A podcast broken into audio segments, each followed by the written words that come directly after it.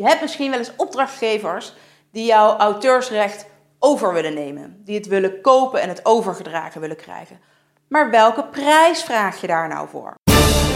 Charlotte, de social media jurist van Nederland.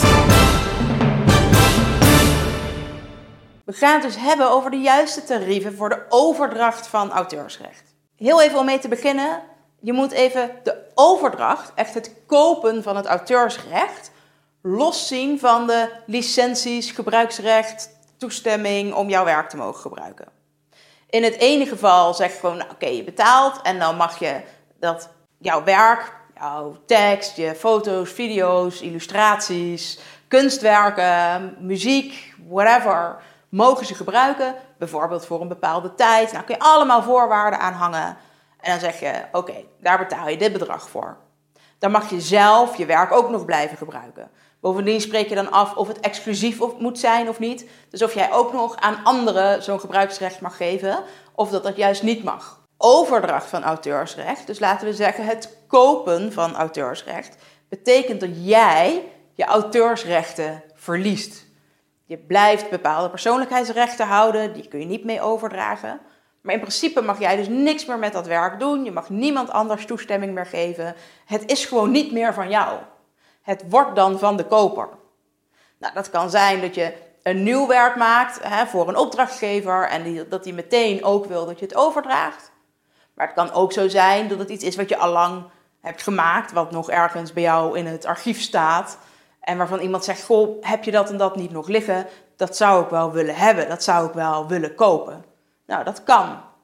Maar welk tarief vraag je daar nou voor? Bedenk vooral eerst eens even wat zou je normaal gesproken bijvoorbeeld voor zo'n licentie, voor zo'n gebruiksrecht gevraagd hebben. Of wat zou je gevraagd hebben om dit werk te kunnen maken? Nou, er zijn heel veel organisaties, eh, brancheverenigingen, die zeggen: Nou, als je het auteursrecht overdraagt, dan zou je eigenlijk driemaal, en sommigen zeggen vijfmaal, de vergoeding moeten vragen die je anders gevraagd zou hebben voor alleen maar het maken van het werk. Kan een goede maatstaf zijn. Per saldo mag je natuurlijk gewoon zelf bepalen wat je vraagt voor jouw werk. Wat vind jij het waard? Was het iets heel eenvoudigs en doe je daar helemaal niks meer mee, ben je al lang blij dat je het überhaupt kunt verkopen? Nou ja, dan vraag je er wat minder voor. Vind je het eigenlijk wel zonde dat je dit zou moeten verkopen en denk je dat je misschien veel meer uit dat werk zou willen halen? Nou ja, dan vraag je natuurlijk de hoofdprijs. Want tegen elke prijs, of tegen alles is te koop als de prijs maar hoog genoeg is. Het moet jou dan compenseren in wat je anders misschien nog met dat werk had willen doen. Jij bent de maker en jij mag je tarief bepalen. Hier zijn nou juist geen algemene tarieven voor, omdat het een probleem zou vormen met het mededingingsrecht. Er mogen geen prijsafspraken gemaakt worden. Het is juist heel erg belangrijk dat jij weet wat jij waard bent. Net zoals je bij het uitvoeren van het werk ook misschien wel een ander tarief vraagt dan een branchegenoot van jou. De ene fotograaf is niet net zo goedkoop of net zo duur als de andere fotograaf. De ene tekstschrijver die schrijft misschien voor 19 cent per woord. De andere tekstschrijver die rekent een uurprijs. Ehm, de ene die werkt misschien met gewoon een vast tarief voor wat er geleverd wordt. En weer iemand anders werkt dus inderdaad wel met een uurprijs. Net zoals er mensen zijn die juist echt apart licentievergoedingen vragen. Wat ik wel heel erg slim vind. Altijd doen, eigenlijk. Terwijl er ook makers zijn die zeggen: Als ik maar genoeg gekregen heb voor het werk, voor de tijd die ik erin geïnvesteerd heb, ja, dan vraag ik er niet meer nog een aparte licentievergoeding voor.